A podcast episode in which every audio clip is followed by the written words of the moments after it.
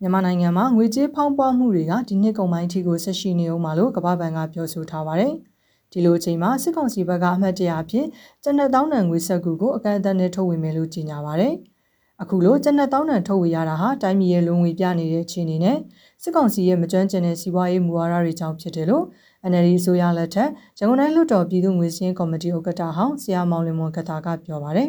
။ကြီးမားတဲ့ငွေဆက်ကူထုတ်တယ်ဆိုတာ ငွေရတံမိုးကျုံသွားအောင်လို့ရည်တွဲရလွယ်အောင်လို့စသည်ဖြင့်ပေါ့ဗျာပြည်သူအကျိုးကိုရည်ရွယ်ပြီးထုတ်ကြရရှိပါဒါပေမဲ့ခုလက်ရှိအချိန်ဒီမှာစစ်ကောင်စီကဒီလိုရည်ရွယ်ချက်မဟုတ်ဘူးဆိုတာသိကြနေရပါတော့လူတွေကစီးပွားရေးပညာတက်တယ်ဖြစ်တက်တယ်ဖြစ်ကျွန်တော်တို့ကျမ်းမြင့်သားလေကတောင်းတန်ကနေ2000တန်ဖြစ်တော့ငါတို့ငွေရတက်ဝက်ဆုံးတော့မယ်အဲ့လိုထင်သွားတာပေါ့ဒါ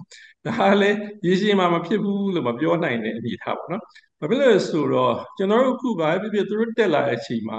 ငွေဖောင်းပွားမှုကအနည်းဆုံး2ဆလောက်တက်လာတယ် ပုံစံနှုန်းကြီးလည်း2ဆလောက်တက်တယ်ဟိုကျွန်တော်တို့မပန်းငွေဈေးကလည်း2ဆလောက်ကျတယ်ပေါ့နော်အဲ့လိုဖြစ်တဲ့အခါကျတော့ဒါ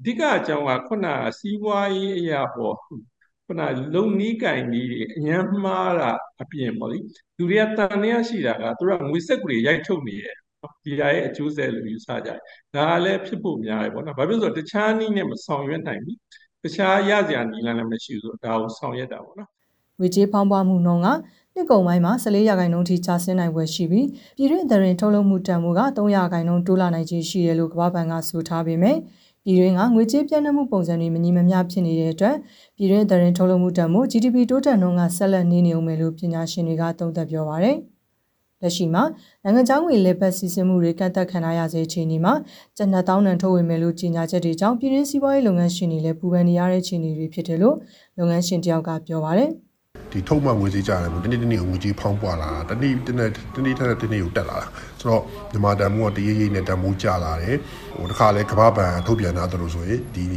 နှစ်ကုန်ပိုင်းလောက်မှာဆိုရင်ဒီ14ရာခိုင်နှုန်းဒီငွေကြီးဖောင်းပွားမှုကရှိလာမယ်လို့ပြောထားတာဆိုတော့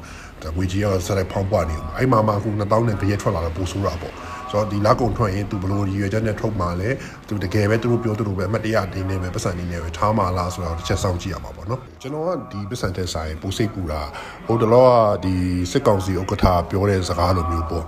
သူတို့တွေက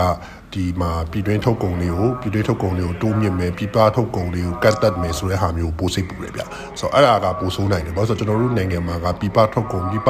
ဒီတွင်းကုန်တွေကိုပဲအဓိကဦးစားပေးနေရတာဆိုတော့တော်တော်လေးကြက်တဲလာနိုင်တယ်ဗောနော်ဈေးနှုန်းတွေမြင့်တက်လာနိုင်တာကျွန်တော်ကအဲ့ဒါကိုပဲအဓိကစိုးရိမ်တာဆိုတော့ပုံမှန်တွင်းမှာဟိုကပြည်တွင်းခုပြည်တွင်းစီးပွားရေးလုပ်တဲ့သူတွေကစဉ်းစားနေကြပြီကုန်ကျန်းဘယ်လိုရှာကြမလဲဒီထဲမှာပဲဘယ်လိုဖြစ်အောင်လဲဘယ်လိုလုပ်ကြမလဲဆိုတဲ့ကြရက်ကဟိုစော်ကြီးတွေကအဲ့ဒါကိုတွေးပူနေကြတာဗောနော် လက်ရှိစစ်ကောင်စီရဲ့2000နံငွေစက်ကူထုတ်လုပ်မဲ့တဲ့ကြောင့်အိမ်ချမ်းမြေတိုက်ခန်းစည်းကွက်တွေပေါ်ရိုက်ခတ်မှုတွေရှိလာတယ်လို့ပွဲစားတိုင်ဝမ်ကလည်းပြောပါတယ်။နိုင်ငံခြားငွေလဲနှုန်းနဲ့ရွှေစည်းကွက်တွေမှာလည်းရိုက်ခတ်မှုတွေရှိနေတယ်လို့ကုန်စည်နှုန်းတွေလည်းထပ်မံမြင့်တက်မှုတွေစတင်ကြုံနေရတယ်လို့ဈေးကွက်သတင်းတွေရသိရပါတယ်။စစ်ကောင်စီထုတ်လုပ်လိုက်တဲ့ငွေစက်ကူအသစ်ကြောင့်ငွေကြေးဖောင်းပွားမှုတွေမရှိနိုင်ကြောင်းနဲ့ဈေးကစားသူတွေကိုဖမ်းဆီးရေးယူနေတဲ့အကြောင်းကိုလည်းစစ်ကောင်စီဘက်ကထုတ်ပြန်နေရရှိပါတယ်။ကျွန်မကတော့ဝေပါ။